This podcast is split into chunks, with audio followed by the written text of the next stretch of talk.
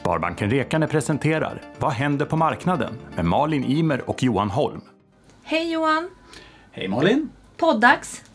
Jajamensan, nu kör vi. Eh, pratar lite deklarationer och skatter med eh, Tommy Stav, Private Banking-rådgivare på banken. Jajamensan. Välkommen till podden! Tack så mycket.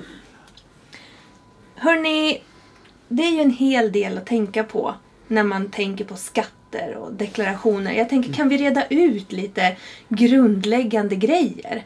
Jag tänker till exempel så här, datum. Är det några speciella datum som är bra att hålla koll på så här deklarationstider? Ja, men det är, väl, det är väl en bra start i alla fall att, att ha koll på vilka datum som gäller.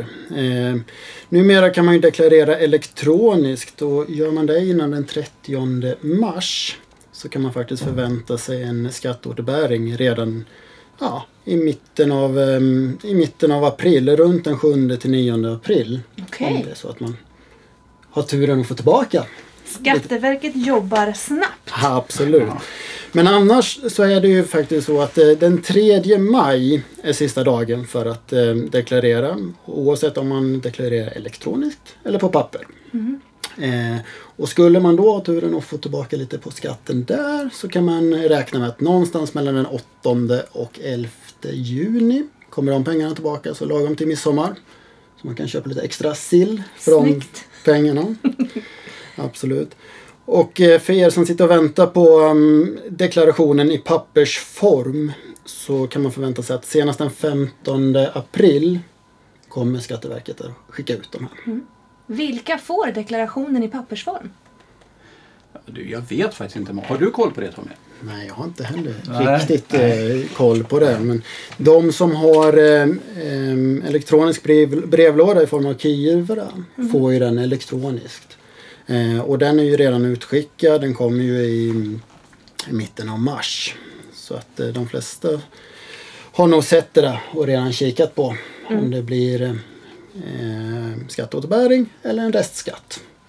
Nu var det ju många datum och mycket information sån där Tommy som du. Men det vi kan säga också det är väl att Skatteverket har ju faktiskt en väldigt bra hemsida med mycket info. Så alla de här liksom hårdfakta kring deklarationen den, den hittar man ju där. Och det är väl skatteverket.se deklaration om inte jag minns helt fel. Ja, Ja. absolut. Så den är väl alltid bra att gå in på. Ja, Ja. Skatteverket.se och så har han det på första sidan i, i dessa tider. Precis. Det går ju såklart att ringa direkt till skatteupplysningen också. Det är 0771 567 567 Mm. om man skulle vilja. Ta ett telefonledes. Yes. Men jag tänker på nu då, om jag eh, har min deklaration. Eh, är det någonting särskilt jag ska titta efter eller någonting jag behöver tänka på utifrån vad jag kan eventuellt ha gjort under året? Det finns ju såna här klassiska grejer som resor till och från jobb och eh, RUT och ROT-avdrag och vad kan det vara mer Tommy? Vad, har du något sådär som du vill lyfta upp? Nej men det är ju de här klassiska, precis som du säger, RUT och ROT-avdrag, resor till och, och från arbetet. Och där finns det ju såklart vissa, vissa bestämmelser, vilka avdrag man kan göra. Det är förutsättningen att man gör minst två timmars tidsvinst på den här resan och att man har över fem kilometer till, eh, till arbetet. Men också sen att man faktiskt tar sig lite tid och kontrollerar de förtryckta uppgifterna. Eh, normalt sett så, så stämmer det ju men man, det kan alltid komma någonting lite tokigheter in där. Men så här i coronatider då, eh, om man har jobbat mycket hemma. Avdrag för kaffekostnader hemma och lite såna här saker. Är det, vad säger ni om det?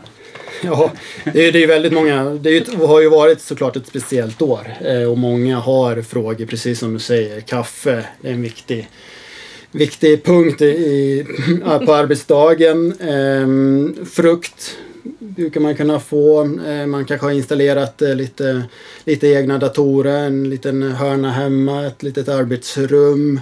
Eh, har jag tagit bilen istället för att åka kommunalt? Många funderingar kring, kring dessa om man kan göra lite avdrag där. Men tyvärr så är väl ehm, det enkla svaret så att nej, det, det är de vanliga reglerna som gäller så att tyvärr kan man inte göra så mycket avdrag just det. Inga Typiskt. avdrag för kaffe hemma? Nej, inget. Nej, nej, ja, värt ett försök. Värt ett försök. Ja, absolut, absolut. Eh, Finns det några grejer som du anser vara extra viktiga att hålla koll på? Jag tänker till exempel eh, när man har sålt av värdepapper. Är det någonting man behöver tänka på då? Nu räcker jag upp handen här ska jag säga. Eh, Jag tänker ju lite så här, jag är lite äldre nu. Jag kommer ihåg hur det var förr i tiden. Dels när man var liksom det här som du säger Malin, det var förluster ska kvittas mot vinster och hela det köret. Eh, Och det skulle göras på pappersdeklaration och, och det var ju dessutom lite sport så här nästan att man skulle faktiskt in till Skatteverket så sent som möjligt och lämna i postlådan 23.59 nästan sista dagen. Så det var ju kö hos Skatteverket och så vidare. Men så funkar det ju inte riktigt nu. Du var inne på den här ele- elektroniska eh, deklarationen Tommy. Och jag tänkte, där finns det ju också det här med ISK och schablonmässigt sparande. Det Vad- finns ju mycket schabloner. Ja, vad gäller där? Eh, Ja men abs- absolut. Eh, Det, det, det är mycket smidigare i dagsläget om man har ett eh, så kallat ISK eller investeringssparkonto eh, som det heter. Då är det en schablonintäkt som man istället då anpassar sig för. Ehm, och där kan man väl rent, eh, utan att gå in på detaljer hur mycket eller vilka procentsatser hit och dit. Men idag så lönar det sig att ha en avkastning på över 1,25 procent. Då får man egentligen behålla all vinst över det. Eh, annars så betalar man eh, 30 procent på en schablonintäkt. Och då är det, det här är ju lite svåra ord kan man tycka. Schablonintäkt och man ska ha ett kapitalunderlag. Ett kapitalunderlag är någonting som egentligen är ett genomsnitt hur mycket pengar man har haft på sitt ISK under, under året. Eh, det här skickar ju bankerna in så det är ju förtryckt på sin deklaration. Det behöver man inte tänka Det på. behöver man inte tänka på. Men det finns ju istället då eh, väldigt många fördelar eh, att ha ett, ett ISK. Dels att man, man kan göra det här som, alltså köpa och sälja utan att behöva göra som Johan sa, deklarera varje enskild affär. Eh, man betalar ingen kapitalvinst på, på sina vinst eller utdelningar utan då den här schablonskatten istället. Och, och ISK de är, ju av, eh, de är ju avgiftsfria och ingen, kostar ingenting att ta ut pengar därifrån heller. Så det som nästan låter lite krångligare är egentligen enklare kan Det man har blivit mycket, Ja. mycket enklare Ja, för alla som har Ja. det. Det man ska säga det är att eh, ISK eller investeringssparkonto är ju en produkt för privatpersoner. Okej. Företag har ju någonting annat, eh, juridiska personer. Där, där finns det ju kapitalförsäkring som är ungefär Så tipset från din sida är egentligen att har man inte gått över då från traditionellt sparande och beskattning så ska man över till schablonmässigt skatt, be, beskattning egentligen så fort som möjligt. Det tycker jag Ja. absolut. Bra. Bra.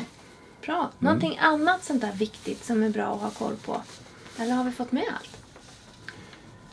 Du rabblade lite datum, vi hade Mm. lite de här viktiga avdragen, kontrollera uppgifter som man har fått då från till exempel arbetsgivare, räntekostnader och lite sånt där som man har betalat. Ehm, Jag vet inte om det är någonting annat som vi ska lyfta upp här också, mer än att kanske just det här då att Skatteverket har ju väldigt bra information på sin hemsida. Eh, Så att eh, jag tycker, är man lite osäker så eh, gå in på Skatteverket eller ring dem precis som du sa då. Eh, De är duktiga och läm- lämnar bra information.